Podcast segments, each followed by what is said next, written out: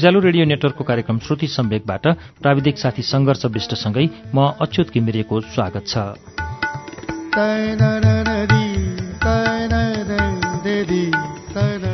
श्रुति सम्वेकमा गएको सातादेखि हामी एरिका ल्युक्ट्याकको उपन्यास त्रिभुवनकी एरिका वाचन गर्दै आएका छौं।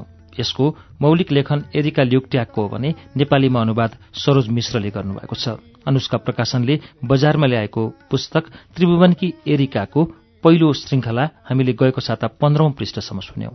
आज त्रिभुवनकी एरिकाको दोस्रो श्रृङ्खला अब सुन्छौं पृष्ठ सोह्रबाट।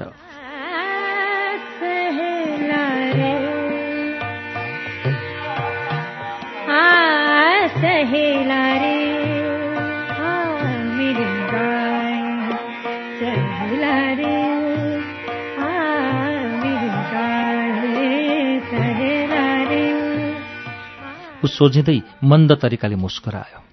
आफूले उसले यस घरका रक्षक मणिरामका छोरा लालरामको रूपमा परिचय दियो र बाँकी घर हेर्न अनुरोध गर्यो। उसले सबै कोठाहरू देखायो बैठक कोठा खाना खाने कोठा र सुत्ने कोठा समेत। ती सबै कोठाहरू उजाड थिए निष्प्राण र निरस। सुत्ने कोठाको झ्याल चाहिँ बगैँचातर्फ खुल्ला थियो। म हुत्तिएर त्यहाँ पुगेर ढोका खोलेँ। साँझको सुगन्ध कोठाभरि फैलियो। मलाई लाग्यो म यहाँ खुसी रहन सक्छु। बगैँचाको अर्को छेउमा मैले नोकर चाकर रहने घर र भान्सा कोठा देखेँ।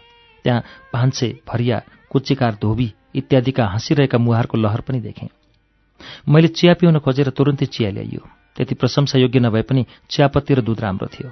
साथमा ल्याइएको अङ्ग्रेजी कुरकुरे बिस्कुटले मलाई याद दिलायो कि बिस्कुटहरू पनि मेरै लागि भनेरै नारायणको नाम लिँदै ती अग्ला पहाडबाट बोकेर ल्याइएका हुन्। गोर्की मसँग बसेका थिए। हामी दुवै घुँडा खुम्चाएर बसेका थियौँ। अदबपूर्वक झुकेका लालाराम आउने बित्तिकै अझै थप फर्निचरहरूको व्यवस्था हुन सक्छ कि सक्दैन भनेर सोधेँ। मलाई एउटा दराज चाहिएको थियो जसमा मेरो युरोपियन कपडाहरू पट्याएर साडी जस्तो खात मिलाएर राख्न नमिल्ने हुँदा झुन्ड्याउने व्यवस्था हुनु जरुरी थियो।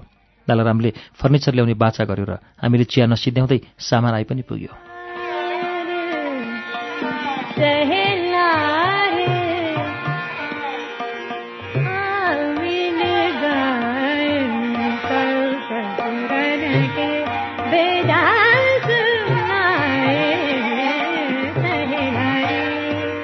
त्यो साँझ जब शहरको केन्द्रबाट साना साना घन्टीहरूको सुरिलो सङ्गीत आइरहेको थियो म चाहिँ त्यो उजाड कोठाहरूलाई घरको रूपमा सजाउन व्यस्त थिएँ। चालिस वर्षकी एउटी महिलाको स्वभावजन्य प्रकृति अनुसार नै मैले पनि आफ्नो स्वभाव भावना र विचारलाई प्रतिनिधित्व गर्ने केही सामान जम्मा गरेकी थिएँ। र ती सामानहरू साथै लिएरै म यात्रा गर्दथेँ। मैले चकिलो भारतीय पछ्यौराहरू र टेबल कपडाहरू सजाएकी थिएँ जसबाट त्रिपुरेश्वरको नम्बर एकलाई घर बनाएँ। मैले त्यसमा सयपत्री लगायत अन्य रङ्गीचङ्गी फुलहरूले सजाएँ। भान्सेले मेरा यी गतिविधि हेर्दै थिए। कोठामा आएको न्यानोपनलाई देखेर उनी मुस्कुराए। त्यसपछि म आफ्नै आमालाई पत्र लेख्नतिर लागेँ। हरेक दिन मैले उहाँलाई एउटा पत्र लेख्नु थियो किनकि उहाँलाई मेरो विषयमा अत्याधिक चिन्ता हुन्थ्यो। मेरो बगैँचाभन्दा परको रात आवाज र ध्वनिका तरङ्गले भरिएको थियो। ती असङ्ख्य साना घन्टीहरू टिङ टिङ आवाज निकाल्दै थिए। युरोपियन घन्टाहरूको जस्तो ठूलो आवाज होइन। मसिनो घटबट भइरहने ती आवाजहरू तोपको आवाजसँगै बन्द भए। गोर्कीले आएर बतायो कि अब कर्फ्यू सुरु भएको छ। उसले नोकर चाकरहरूबाट सुनेअनुसार रातको दस बजे तोप पड्किए पश्चात भोलिपल्ट बिहान खुलेको सूचक तोप नपड्किएसम्म कुनै नेपालीले घरबाट चियाउने प्रयाससम्म पनि गर्दैनन्।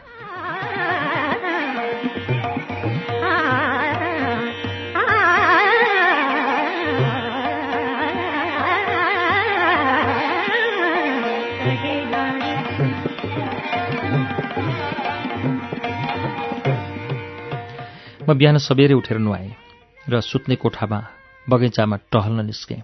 निष्पट कालो तर सेतो पुच्छर भएको एउटा राम्रो चरो मलाई देखेर भाग्यो र तोपको आवाजसँगै पुनः घण्टाका सङ्गीतमय आवाज मेरो कानसम्म ठोक्किन आइपुगे। ब्रेकफास्ट लिन म बसेकी मात्र थिएँ। मैले बाहिर ढोकानेर एउटा मानिस शिष्ट तरिकाले पर्खिरहेको देखेँ। नेपाली पोसाक र छड्के नेपाली टोपी लगाएको त्यो मानिसको अनुहार सुन्दर थियो कद भने पुड्को। त्यो अद्वैंसी मानिसको पेटीमुनतिर भुँडी केही पुक्क उठेको थियो। घोर्की एउटा भिजिटिङ कार्ड लिएर म छेउ आयो। त्यसमा लेखिएको थियो सिद्धिमणि ए दीक्षित एमबी घोर्की भन्दै थियो ऊ साई चिकित्सक हो महोदया। त्यति प्रभावशाली नभए पनि व्यवहारमा शिष्ट र नम्र डाक्टर सिद्धिमणि मेरो सोफामा बसे। उनले दुवै हातहरू उनले लगाएको पुरानो युरोपियन कोटको बाउलाबाट निस्केका थिए।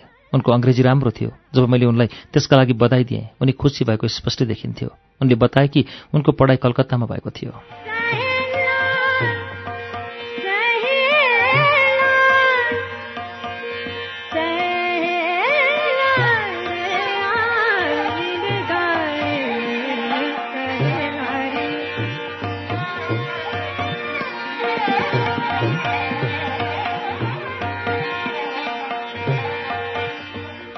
म तपाईँको लागि के गर्न सक्छु डाक्टर साहेब?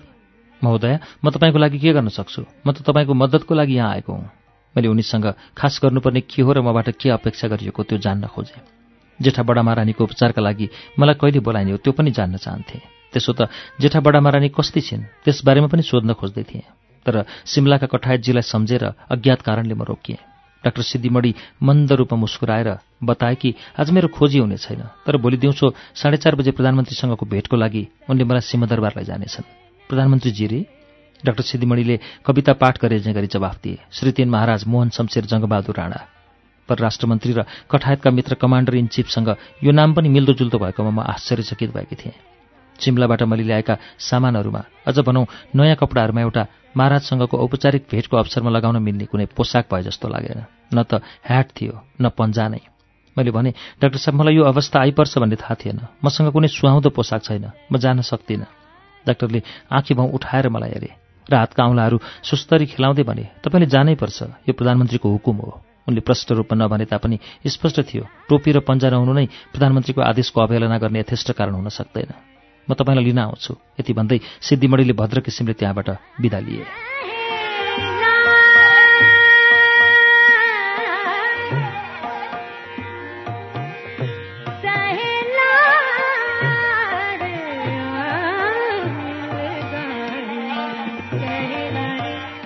भोलिपल्ट साढे चार बजेसम्ममा म उपयुक्त परिधानमा तयार भएकी थिएँ। लामो बाहुला र घाँटीसम्म छोपिने हरियो फ्रक लगाएकी थिएँ र कुममा भुवादार कप पनि लगाएँ। सकेसम्म मिल्ने गरी गरगहना जवाहरात पनि लगाएँ तर मलाई थाहा थियो ती सुहाउँदा चाहिँ थिएनन्। एउटा पुरानो खाले कारमा ठिक समयमा डाक्टर सिद्धिमणि आइपुगे। टल्किने चुच्चे टोपीलाई भुल्ने हो भने ड्राइभर पुरा नेपाली पोसाकमा थियो। धुलै धुलोको बीच झण्डै पाँच मिनट हिँडेपछि हामी एक्कासी भर्सेलिजको दरबारको प्रतिरूप जस्तो देखिने एक विशाल भवन अगाडि पुग्यौँ। महोदय यो सिंहदरबार हो डाक्टर सिद्धिमणिले भने। प्रधानमन्त्रीको औपचारिक निवास स्थान मैले भने प्रधानमन्त्रीको निवास त यस्तो छ भने राजाको दरबार कस्तो पो होला?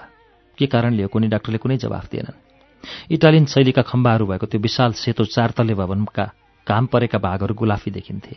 भवनको अगाडिको स्थिर तलाउमा परेको छायाका कारण त्यो भवन आफ्नै छायामा उभिएको जस्तो देखिन्थ्यो। तलाउको मध्य भागमा युरोपियन शैलीको आकृति र घोडा इत्यादि भएको ठूलो फोरा थियो। आँखा क्यामेरा होइन र त्यसै कारण त्यसले सबै कुरा समाउन सक्दैन। मलाई लाग्यो त्यो फोराभन्दा परको निलो आकाशमा सेतो भव्य रङ पोतिएको छ। त्यो भवन अत्यन्तै शान्त तर उजाड देखिन्थ्यो।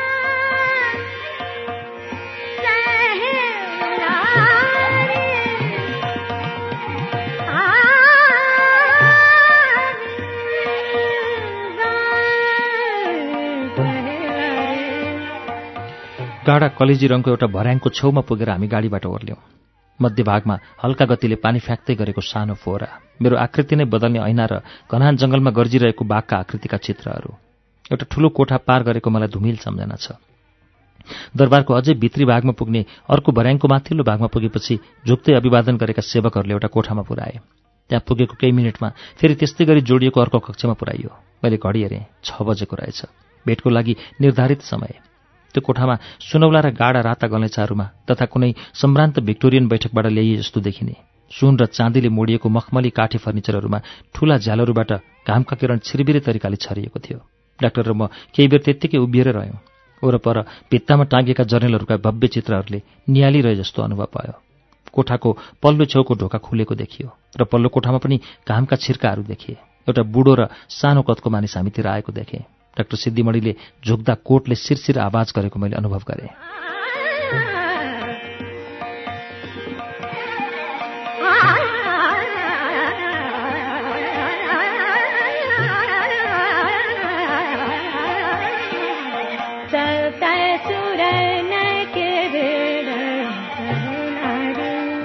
यिनी श्रीतेन मोहन शमशेर जङ्गबहादुर राणा थिए।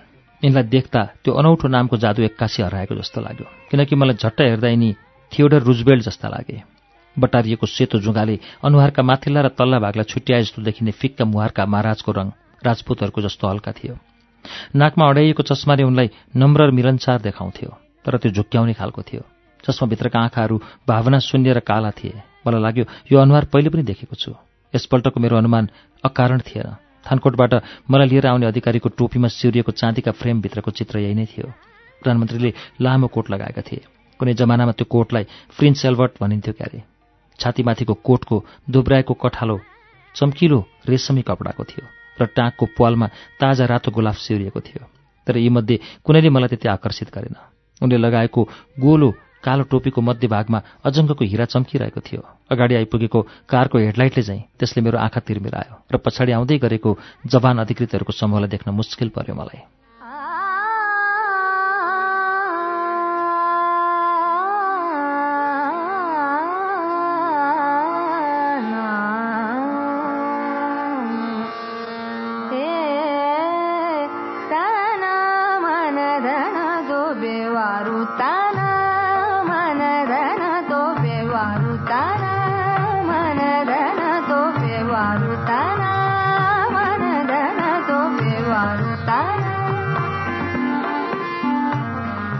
सिमदरबारसम्मको छोटो यात्राको दौरान डाक्टर सिद्धिमणिले मलाई सम्झाएका थिए कि श्रुतिन महाराज एक कट्टर हिन्दू हुन् र शिष्टाचारको मामिलामा अत्यन्त कडा छन्। त्यसै कारण बिटुलो हुने डरले कुनै पनि युरोपियनसँग हात मिलाउन रुचाउन्नन्। त्यस्तै कुरालाई सम्झेर मैले हात जोडेर टाउको झुकाउँदै भने नमस्कार महाराज यो राइनेस तर उनी हात फैलाउँदै मतिर आए। मेरो हात समातेर मलाई सोफातर्फ डोराउँदै लगे र सुनौलो कारचोबीयुक्त मखमली काउचमा मेरो छेउमै बसे। उनको कालो कोट हावाले हल्लाइरहेको थियो र एक हातका औँलाहरू जुगा मुसार्नमा व्यस्त थिए। हाम्रा अगाडि उभिएका जवान अधिकृतहरू खाकी र चम्किलो जुत्तामा सजिएका थिए। यत्तिकैमा डाक्टर सिद्धिमणिको पाइलाको मधुरो आवाज सुनियो। हाम्रो वार्तालाप बिस्तारै बढिरहेको थियो। कि मेरो यात्रा आरामदायी थियो? थियो यो राइनेस। कि म पहाडको चढाइले थाकिन र मेरो जवाफ थियो? यो राइनेस मैले डाँडी बोकिरहेकी थिइनँ।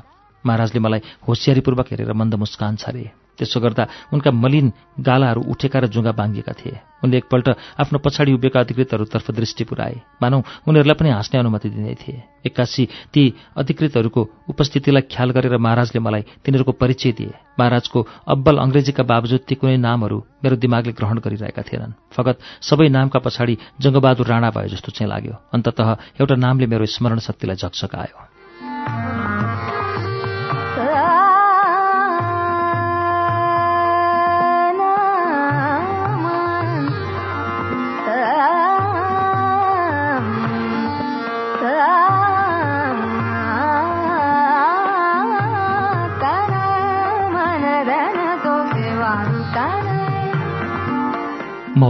मेरो छोरा जेनरल विजय शमशुर जङ्गबहादुर राणा एउटा जवान व्यक्तित्वले मेरो अगाडि आएर झुक्दै मसँग हात मिलाए। ती व्यक्तिका चौडा र खेलाडीका जस्ता कुम थिए। उनले लगाएको टोपीको मुनतिरको कालो कपाल घुम्रिएर निस्केको थियो र उनी हाँस्दा माथिल्लो ओठमाथिको मसिनो जुङ्गाको धर्को सिधा बन्न पुगेको थियो। मैले भने यो राइनिसको छोरा रे? के यी उनै परराष्ट्र मन्त्री जनरल विजय हुन् जसले मलाई पत्र लेखेका थिए? प्रधानमन्त्रीले सकारात्मक जवाफ दिन साथै मैले हात उठाउँदै पुनः भने यिनी त भर्खरकै केटा जस्ता देखिन्छन्। र पनि जनरल अवश्य पनि यिनी बहुतै प्रतिभाशाली छन्। ती जवान व्यक्तिको मुहारबाट एक्कासी मुस्कान आयो प्रधानमन्त्रीले मलाई आँखा तरे। यस्तो लाग्यो कि उनी मेरो शब्दहरूलाई छिचोलेर दिमागभित्र पुग्न खोज्दै थिए। उनले मेरो दिमागमा जे भेटे वा भेटेको भन्ठाने त्यसले उनी सन्तुष्ट भएको हुनुपर्छ। अन्ततः उनले भने नेपालमा हामी सानै उमेरमै विवाह गर्छौँ। हाम्रा सन्तान पनि हामी जवानै हुँदा जन्मिन्छन्। ती जवान व्यक्तिको पेसागत उन्नतिका बारेमा मेरो जिज्ञासाको उचित स्पष्टीकरण त्यो थिएन। तर त्यसभन्दा बढी स्पष्टीकरण पाउने आशा पनि थिएन। त्यसपछि अनायासै प्रधानमन्त्रीले सोधे म कति वर्षको छु जस्तो लाग्छ महोदय? उनले आफ्नो जुङ्गा मुसारे उनी निश्चित रूपमा मबाट प्रशंसाको अपेक्षा गर्दै थिए। म हाँसेँ मैले कसरी अनुमान गर्न सक्छु? महाराजको टोपीको त्यो हिराले म तिर्मिराइरहेकी छु। महाराजले त्यो फुकाली बक्स्यो भने सायद म बताउन सक्छु होला। त्यहाँ भएका मध्ये एक वरिष्ठ अधिकारी असजिलो मान्दै तन्किएको मैले अनुभव गरेँ। तर प्रधानमन्त्रीले बिस्तारै झुकेर टोपी फुकालेर घुँडामा राखे। मैले भने यो राइनेस सम्भवतः पचपन्न कोही बक्सन छ। उनको मुहारमा प्रसन्न मुस्कान छरियो। होइन महोदय म झन्डै चौसठीको हुँ। स्याबास यो होइन बात बहुतै राम्रो मैले माने। उनी आफ्नो छोरा विजयतर्फ फर्काँदै भने यी भद्र महिलालाई म फेरि भेट्न चाहन्छु।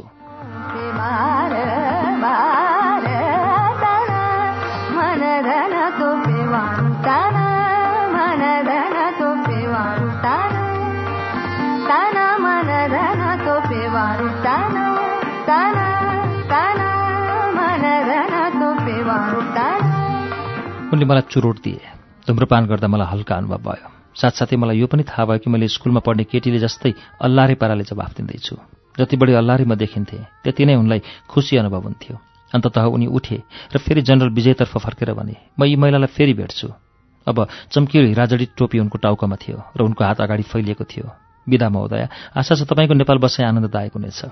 दुई झट्कामा उनले हातले जुङ्गा मुसारे कालो कोट मन्तिरको उनका सेता गोडाले छिटो छिटो पाइला चाल्यो र अधिकृतहरूको युनिफर्मले उनी छोपिए। पर छेउको ढोकाबाट उनी अलप भए। ढोका बन्द भएपछि मात्र मलाई याद आयो कि महाराजले श्री पाँच जेठा बडामा रानी वा मेरो भ्रमणको उद्देश्यका बारेमा उच्चारणसम्म पनि गरेनन्। सिद्धिमणि मेरो छेउमै थिए। उनको आवाज सुनियो महोदया अब हामी छिटो जानुपर्छ। अझै धेरै बाँकी छ सिंहमर्मरको भर्याङ ओर्लेर हामी कारमा पुग्यौँ जहाँ ड्राइभर र अङ्गरक्षक घाम तापेर कुरिरहेका थिए। सेता दरबार र सेता बादलको छाया अझै तलाउमा प्रतिबिम्बित भइरहेको थियो।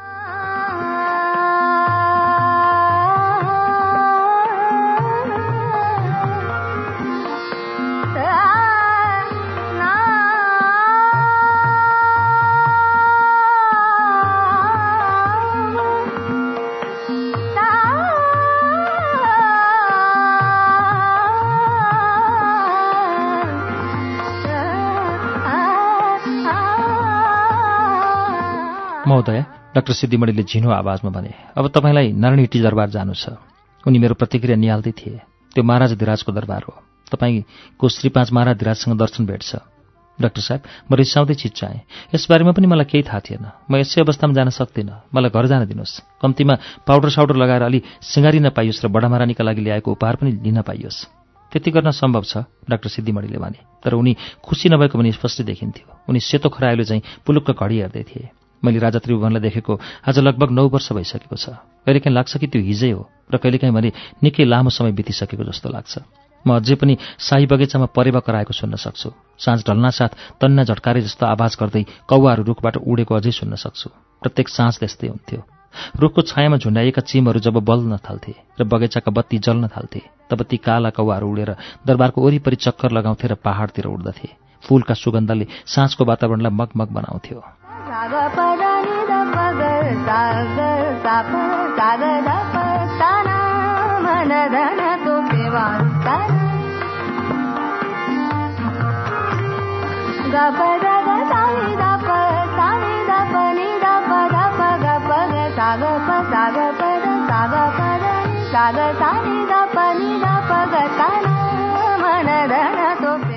यी सबै चिजहरू मेरो जीवनका यतिसम्म अभिन्न अङ्ग बनिसकेका थिए कि मेरो जीवनको अधिकांश हिस्सामा यी कुराहरूको कुनै अस्तित्व नभएको तथ्य मान्न नै गाह्रो लाग्छ। डाक्टर सिद्धिमणिसँग दरबारको लागि प्रस्थान गर्न लाग्दा मलाई राजा महारानीहरू राजकुमारीहरू र दरबारका बारेमा केही थाहा थिएन। डाक्टर सिद्धिमणिले भनेका थिए कि कठायतजीले भनेका थिए मलाई याद छैन तर मलाई राजाको नाम चाहिँ याद थियो। त्यो पनि आंशिक रूपमा मात्र किनकि उनको पुरा नाम बिस शब्दभन्दा बढीको थियो। राजा थिए श्री पाँच महाराजाधिराज त्रिभुवन वीर विक्रम शाहदेव। नेपालका राजा र सृष्टिका पालनकर्ताको विष्णुको अवतार। मलाई भनिएअनुसार त्रिभुवनको अर्थ मानव अस्तित्वका भौतिक एवं आध्यात्मिक तीन संसारमा बास गर्ने प्राणी हुन्। मेरो निवास स्थानबाट केही कदम अगाडिबाट ठूलो घाँसे मैदानबाट छेउछाउ हुँदै एउटा धुले सडक सुरु हुन्थ्यो। त्यही मैले महाराज धिराजको एउटा अनाकर्षक शालिक देखेकी थिएँ। पश्चिमी शैलीको गुम्बजको मुन्तिर रहेको त्यो सेतो ढुङ्गाको आकृति अभलट मेमोरियलको असफल अनुकरण जस्तो लाग्थ्यो। परम्परागत र भावशून्य त्यो आकृतिले सम्भवतः राजाको व्यक्तित्व झल्काउँथ्यो। टाउको श्रीपेश बाहेक अन्य कुनै पनि विशेषता त्यो आकृतिमा थिएन। टाउकोमा जडित टोपको सिरानबाट हावाले फराएको फोरा चाहिँ देखिने गरी पछाडितर्फ तलसम्म फर्केको श्रीपेश भने ढुङ्गाको भएर पनि आकर्षक देखिन्थ्यो।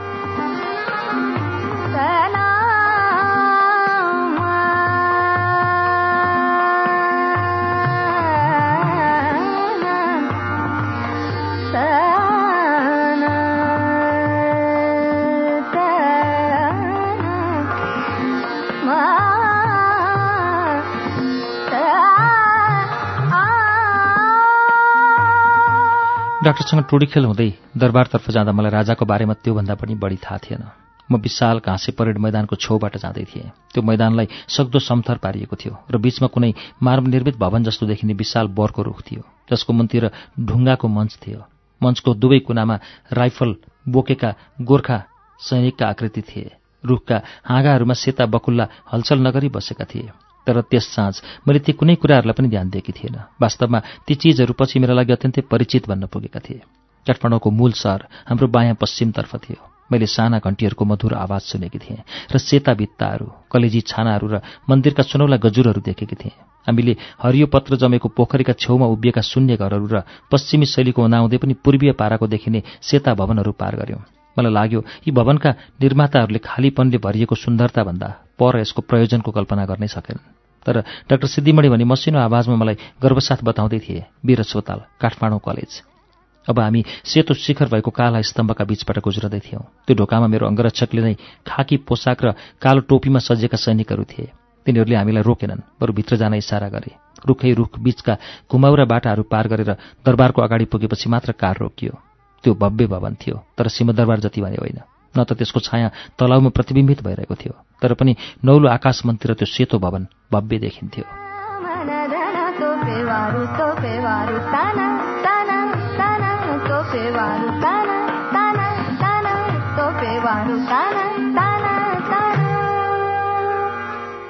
डाक्टर सिद्धिमणिले अनायासै भने नारायणटी दरबार नारायणको धाराको दरबार यसमा एक हजार कोठा छन्। महाराज यसमा राज हुन्न।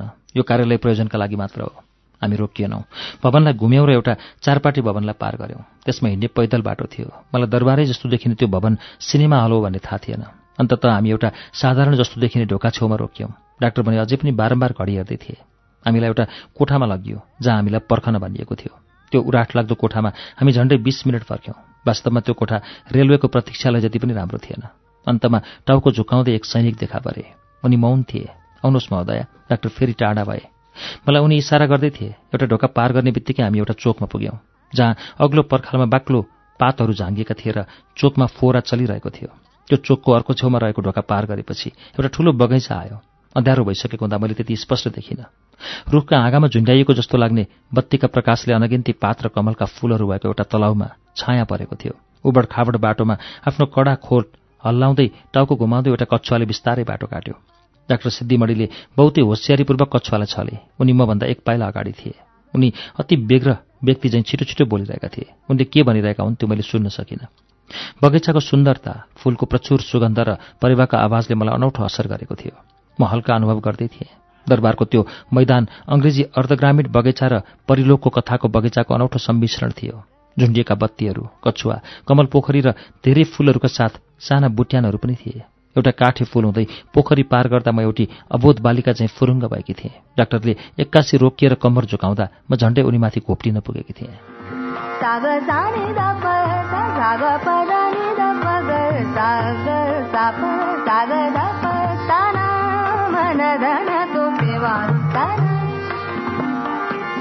महोदय हामी महाराज विराज समक्ष प्रस्तुत हुँदैछौँ। मैले अगाडि हेरेर भने कि राजा तिनै हुन्? श्री पाँच महाराज विराज सरकार महोदय डाक्टर सिद्धिमणि झुक्दै भने बाटोको पुच्छारमा फुस्रो ढुङ्गाको एउटा सानो मञ्चाकार थियो। त्यो मञ्चको कोड आकारको छानालाई सेतो खम्बाले अड्याएको थियो। त्यो मञ्च गाडा लालटिन चाहिँ चम्किरहेको थियो। त्यहाँ मञ्चको खुड्किलामा पातलो अग्लो एक व्यक्ति उभिएका थिए। बाक्लो कालो कपालमा अगाडितर्फ झुकेको नेपाली टोपी लगाएको एउटा गोडा अगाडि सारेका र चौडा कुम अलिक पछाडितर्फ ढल्केको हो कि जस्तो देखिने ती व्यक्ति केही रक्षात्मक मुद्रामा छन् कि जस्तो देखिन्थ्यो। मैले राजाको जस्तो कस्तो कल्पना गरेकी थिएँ थाहा थिएन। सायद मैले प्रधानमन्त्री जस्तै बुढो चस्मा लगाएका र बटारिएको जुङ्गा भएको व्यक्ति र वरपर जनरलहरूको ठूलो भिडको कल्पना गरेकी थिएँ। तर यहाँ त भारतीय कथाहरूमा वर्णन गरिएका राजकुमार जस्तो जवान अग्लो र फुर्तिलो व्यक्ति भेटियो। मञ्चको सम्पूर्ण प्रकाश ती व्यक्तिको वरपर केन्द्रित भए जस्तो प्रतीत हुन्थ्यो। डाक्टरलाई झुकेकै अवस्थामा छोडेर अभिवादन गर्ने उद्देश्यले म अगाडि बढेँ।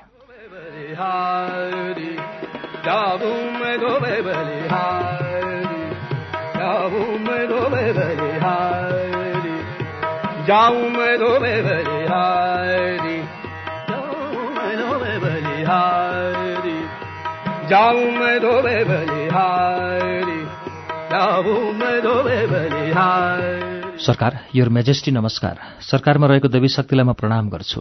मलाई लागेको थियो कि सरकार वृद्ध भइबक्सिन्छ तर सरकार त जवान र सुन्दर भइबक्सिँदो रहेछ।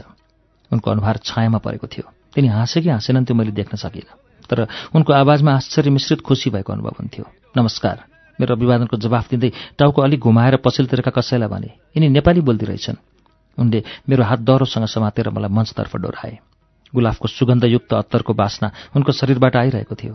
उनले मेरो हात छोडेका थिएनन्। बरु ढोकामा पुगेर टक्क रोकिए। मलाई पनि रोकिनु पर्यो। त्यो कोठा सानो थियो। सिङ्गमरमरको भुइँमा नरम गलैँचा थियो र कोठामा पश्चिमी शैलीका फर्निचरहरू थिए। तर ती फर्निचरहरू तासले मोडिएका थिए। भित्तामा सटाएर राखिएको बत्तीहरूले कोठा उज्यालो बनाएको थियो। त्यहाँ पाँचजना महिलाहरू पर्खिरहेका थिए। तिनीहरूले सुनौलो किनारा भएको चाँदी जडिएको गाडा साडी लगाएका थिए। तिनीहरूको अनुहार फिक्का थियो भने आँखा चाहिँ गाडा ठुला र नरम देखिन्थे। कानमा जवाहरातका गहना थिए भने पाखुरा भने नाडीसम्मको बाहुलाले छोपिएका थिए। कपालमा फूल सिउरिएको थियो र त्यसको टलक निलो खालको देखिन्थ्यो।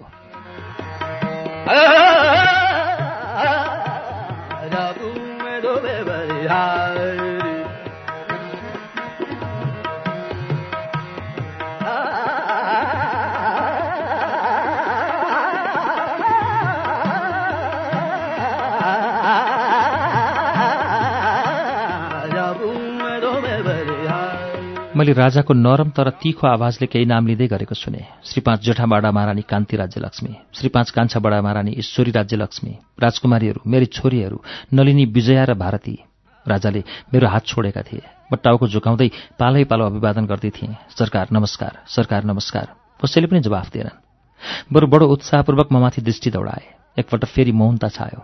राजाले पनि कुम ठाडो पार्दै त्यही रक्षात्मक मुद्रामा मलाई हेर्दै थिए। त्यसै बेला म गफिन थालेँ। डाक्टर सिद्धिमणि कुनै कुनातिर लाग्यो कि पुरै कोठाबाट अलग भए त्यो मलाई थाहा भएन। म महारानीतर्फ मुखरित भएँ। मैले जेठा बडा महारानीलाई सोधेँ सरकार अङ्ग्रेजी बोली बक्सिन्छ? अझै जवाफ पाइएन। मैले प्रत्येक रहर लाग्दा अनुहार भएका राजकुमारीहरूसँग त्यही प्रश्न दोहोऱ्याउँदै गएँ। भारतीय नाम गरेकी केटीले मात्र अन्ततः जवाफ दिइन् अङ्ग्रेजी बोल्छु। उनको आवाज मधुर तर दृढ थियो। मलाई लाग्यो उनलाई मौनता असह्य भएको थियो। त्यसै कारण स्वस्फूर्त जवाफ दिएकी थिइन्। कृपया महोदय बस्नुहोस् न राजाले भने।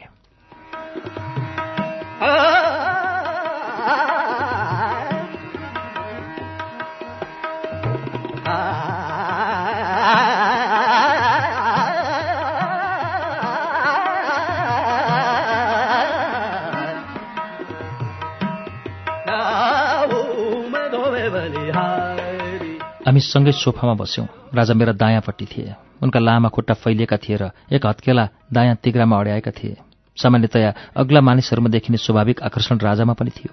एउटा औँलामा मोटो सुनको बेरुवा औँठी बाहेक कुनै जवाहरात राजाले लगाएका थिएनन् सेता सुरुवालमा उनका खुट्टा मसिना देखिन्थे भने उनले घाँटीमा तुना कसिएको नेपाली दौरा युरोपियन शैलीको भित्री कोट र बाहिरी कोट लगाएका थिए।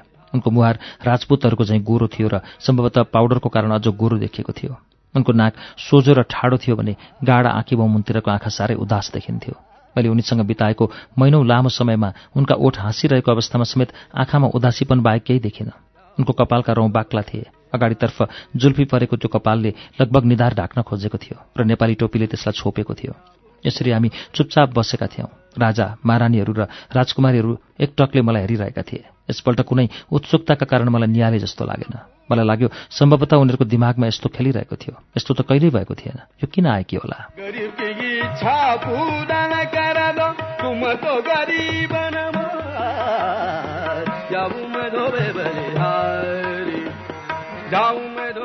अन्ततः मौन त तोडियो।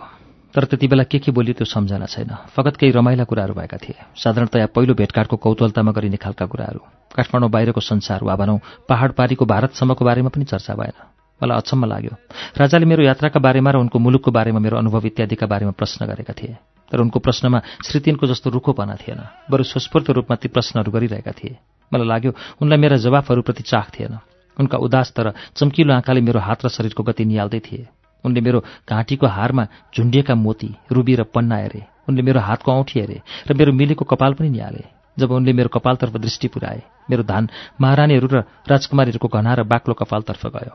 मैले जेठा बडा महारानीका लागि ल्याएको सानो उपहार टक्राएँ सिमलामा किनेको त्यो कमसल उपहारले मलाई लज्जित तुल्याएको थियो। हिउँदमा सिमलाका बजारहरू प्राय बन्द हुन्छन्। त्यस अवस्थामा मैले किन्ने राम्रो वस्तु भेटिनँ। जे होस् चाँदीका दुई सफा फुलदानी भेटेँ। त्यसलाई मैले सकेसम्म राम्ररी प्याक गरेकी थिएँ। बडा महारानीलाई मेरो हातमा रहेको त्यो वस्तु मैले टक्राएँ। बडा महारानी र अरूहरू यति बेलासम्म अविचलित रूपमा सोफा अगाडिको कुर्सीमा बसेका थिए। अब भने मैले उनीहरूलाई वार्तालापमा ताने। उपहारको प्याकिङ खोल्दा उनका आँखामा चमक देखियो।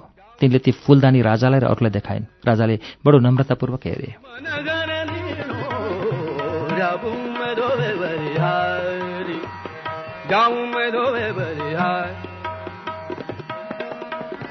दुई महारानी बीच ठूलो भिन्नता थियो। पहिलेबाटै थाहा नभएको भए तिनीहरू दिदीबहिनी भएको कुरामा मलाई विश्वास हुँदैन थियो। तिनीहरूका कपडा गरगहना र कपालको शैली एकै प्रकारको थियो तर त्यो समानता देखावटी मात्र भए जस्तो लाग्यो। जेठी बडामा रानी पुड्की गोलो मुहार्की र चरीको जस्तो चम्किलो आँखा भएकी थिइन्। कान्छी बडामा रानी अग्ली र पातली थिइन्। उनको आकर्षक जिउडाल चित्ताकर्षक चारीमा बेरिएको थियो। उनका आँखाका भाव कतै हराए जस्तो र स्वप्निल देखिन्थ्यो।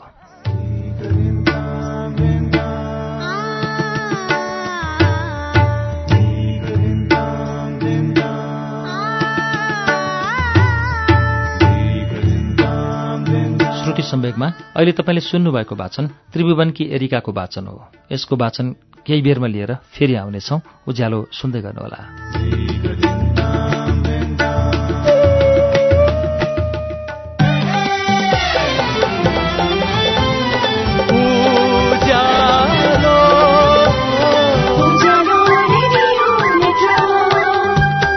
सीधा कुरा प्रश्न विचार उज्यालो रेडियो नेटवर्क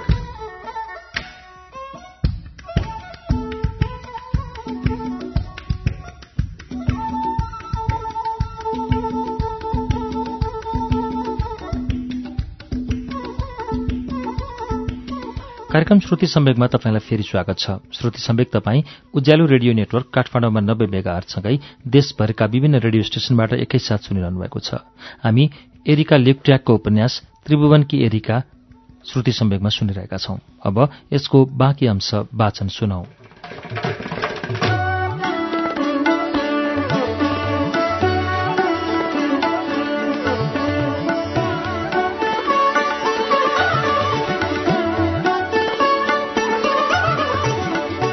मैले टक्राएको फूलदानी एक हातबाट अर्को हात हुँदै राजाको हातमा आइपुग्यो। राजाले त्यसलाई एकपटक छोएर बिस्तारै मतर्फ फर्किए। जेठी बडामारानीलाई उपचार गर्न के के सामान चाहिन्छ भनिदिनुहुन्छ कि? मैले एउटा टेबल चाहिने कुरा बताएँ र आफूले ल्याएको नक्सा टक्राएँ। राजाले हेर्दै नहेरी लिएर भने त्यो बन्छ। मैले भने कि एउटा डस्ना तकिया रुमालहरू र जैतुनको तेलको पनि आवश्यकता पर्नेछ। भोलिसम्ममा सब तयार हुन्छ। राजा उठे। गर्मी थियो र त्यहाँ अत्तरको बास्नाले वातावरण बोजिलो बनाएको थियो। आफ्ना दुवै हात जोड्दै राजाले भने अब हामी छुट्यौँ कि? डाक्टर सिद्धिमढी छेउमै थिए। उनले हतार हतार मलाई बगैँचा मैदान तलाउ र कमलका फूलहरू बिच डोराए। बाटोमा मिलाएर काँटछाँट गरिएका बुट्यानहरू थिए। ती सबैमा अङ्ग्रेजी अक्षर आई बनाइएको थियो। मैले सुस्तरी हात सुँगे गुलाफको सुगन्धको बास्ना आइरहेको थियो। कारमा त्रिपुरेश्वर फर्किँदै गर्दा डाक्टर सिद्धिमणीले दुई चारपल्ट घाँटी सफा गर्दै असजिलो माने जस्तो गरी भने कि मैले जेठी महारानीको उपचार गर्दा डाक्टरको उपस्थिति जरुरी छ। मैले आफूलाई त्यो कुरा मन्जुर नभएको र आफ्नो एक्लै काम गर्ने बानी रहेको बताएँ। त्यो सुनेर डाक्टरले चिन्तित मुद्रामा टाउको हल्लाएर औँला खेलाइरहे। उनले बहुतै अलमल परेको ढङ्गले मलाई सम्झाउने प्रयास गरे। तर बिचैमा एक्कासी त्यो प्रयास रोकेर मलाई बताए कि यो उनको आफ्नो सुझाव नभइकन श्री तीन महाराजको हुकुम हो। त्यस बेला म निकै रिसाएर त्यस प्रकारको आज्ञा स्वयं श्री पाँच महाराजबाट किन भएन भन्ने दृढ जिज्ञासा प्रकट गरे। डाक्टर सिद्धिमणीले मलाई निकै सम्झाए तर मैले मान्दै मानिनँ। मलाई छोडेर कार डाक्टरको निवास दिल्ली बजारतर्फ हानिएर गयो किनकि रातको तोपभन्दा अगाडि उनलाई घर पुग्नु थियो। त्यसबेला उनको मुहारमा चिन्ताका रेखाहरू स्पष्टै देखिन्थे।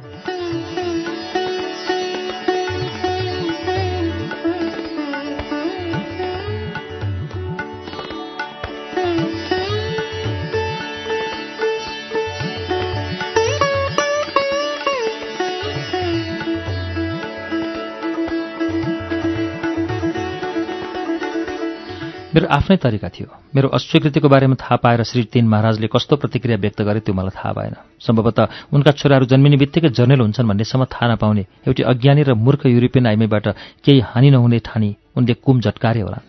भोलिपल्ट जब म राजदरबार पुगेँ डाक्टर सिद्धिमणि थिएनन्। प्रायःजसो म साँझमा मात्र दरबार पुग्थेँ। एकपटक भने अपवाद भयो। राजपरिवारले साँझको वा रातको वातावरण निकै रुचाएको मैले अनुभव गरेँ। जब बगैँचाका बत्तीहरू बोल्न थाल्थे र कौवाहरू पहाडतर्फ उड्न थाल्थे राजपरिवार खुसी र सक्रिय हुन्थे। सुरुमा मैले यसलाई फकत एउटा आदर्श परिवारको एक आपसको प्रेम र सद्भावका रूपमा भन्दा बढी केही देखिनँ। तर राजाको लागि रातको समय एक प्रकारको सुरक्षाको कवच थियो। आफ्नो अनुहार लुकाउन प्रयास गरे जस्तो लाग्ने उनको निधारको जुल्फी रातमा उनी आफूलाई लुकाउन खोजे जस्तै लाग्थ्यो। मलाई लिन कार छ बजे आइपुग्यो। दिनको गर्मी शीतलमा परिणत भइसकेको थियो र मैदानबाट दुबोको मिठो बास्न आइरहेको थियो। बिहान मैले केही किसान आइमाईहरूले झुक्दै हँसियाले त्यहाँ घाँस काट्दै गरेको देखेकी थिएँ। कारका ड्राइभर सानो कदको गहुँ गोरु गाला उठेको र निष्पट कालो आँखा भएका नेवार थिए। म पिप्सेन र घोर्कीका साथ पछाडि बसेँ। मेरो अङ्गरक्षक अगाडि बसे। हरेक पटक दरबार जाँदा त्यत्तिकै यात्री हुन्थे। म पिप्सेन घोर्की र अङ्गरक्षक। पिप्चेनलाई गेस्ट हाउसमा एक्लै छोडिदिन म तर दरबार पुगेपछि घोर्कीसँगै उसलाई पैदल फर्काइदिन्थे। ड्राइभर र अङ्गरक्षक चाहिँ मलाई पर्खेर कारमै शुद्ध थिए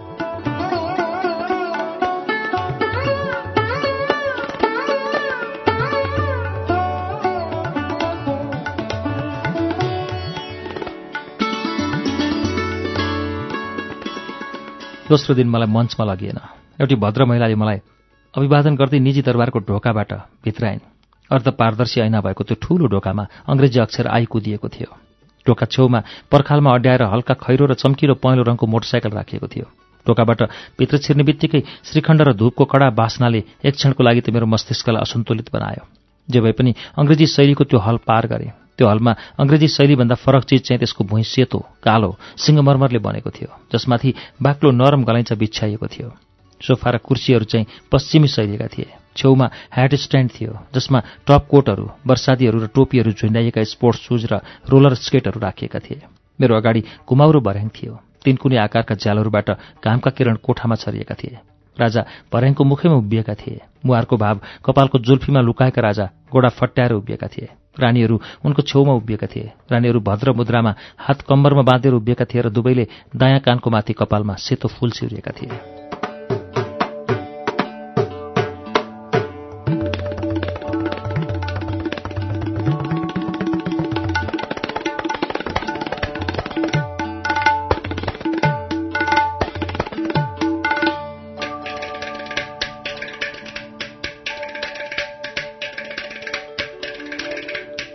अभिवादन र भद्र नमस्कारको आदान प्रदानपछि राजा फर्के र हलको दायाँ कुनाको ढोकाबाट भित्र छिरे।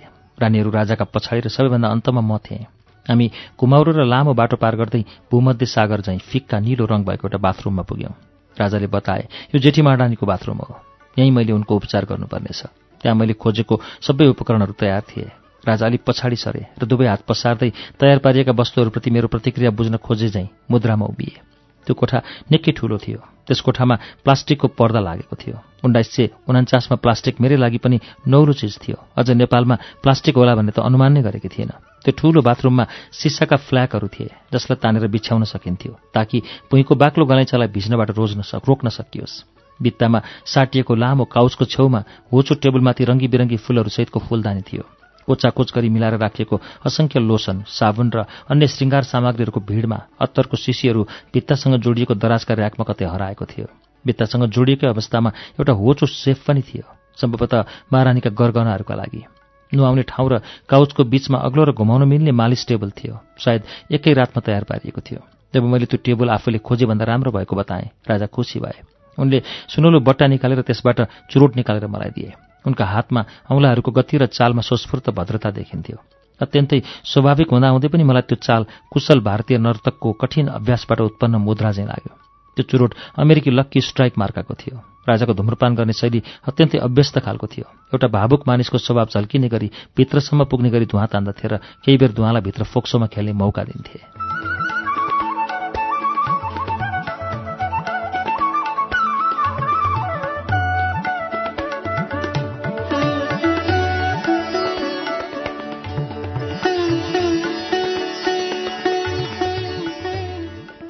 महारानीहरूले अहिलेसम्म केही बोलेका थिएनन्।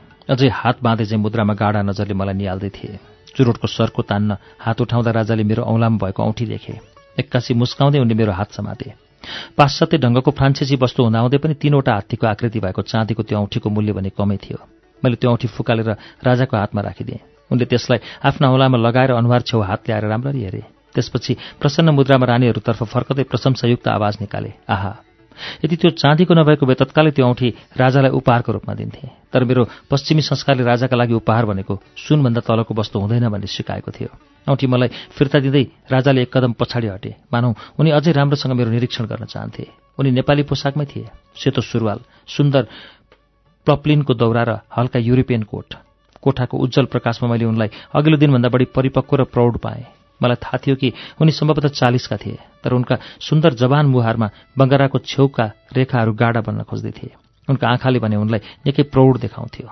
अमेरिकी चुरुटको धुवा कोठाभरि फैलिएको थियो। त्यसको गर्मी र अत्तरको कडा बास्नाले मलाई उकुस मुकुस तुल्यायो। भित्तामा निकै अग्लो ठाउँमा रहेको पुरै बन्द झ्यालतर्फ आउनाउँदै मैले भने सरकार यो मेजेस्टी म झ्याल खोल्न चाहन्छु।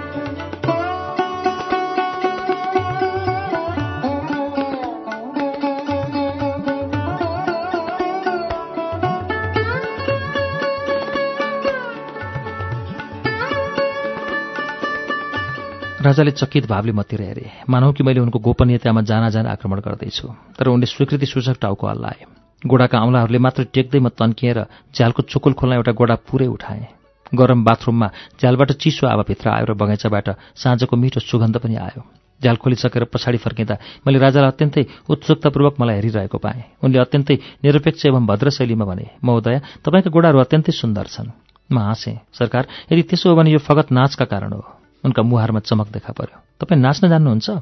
के तपाईँ मलाई सिकाउन सक्नुहुन्छ? राजालाई नाच्न आउँदैन भन्ने सुन्दा मलाई आश्चर्य लाग्यो। त्यो पनि त्यो राजा जो लक्की स्ट्राइक पिउँछन् जसको मोटरसाइकल दरबारको आँगनमा अडेको छ र जसमा एउटा आधुनिक पुरुषमा हुने सबै गुणहरू छन् ऊ नाच्न जान्दैन।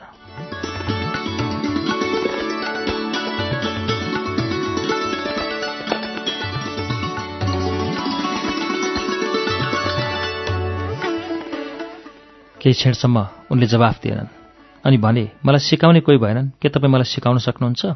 खुसी साथ सरकार। मैले उत्तर दिएँ। आहा पुनः त्यही मसिनो आवाज सुनियो। अहिलेसम्म बिस्तारै आवाज बढाउँदै निस्केको राजाको त्यो उद्गार उनको खुसी व्यक्त गर्ने एकमात्र शैली भएको थाहा पाइसकेकी थिएँ मैले। वास्तवमा थोरै परिवर्तन गर्ने बित्तिकै त्यो निराशा जनाउने भाव पनि भन्थ्यो उनी फरक्क रानीहरूतर्फ फर्किए। मानौ कि आफ्नो खुसीका क्षणहरूमा सहभागी हुन उनी महारानीहरूलाई निम्त्याउँदै थिए। महारानीहरूतिर हेरेर मुस्कुरायो उनी।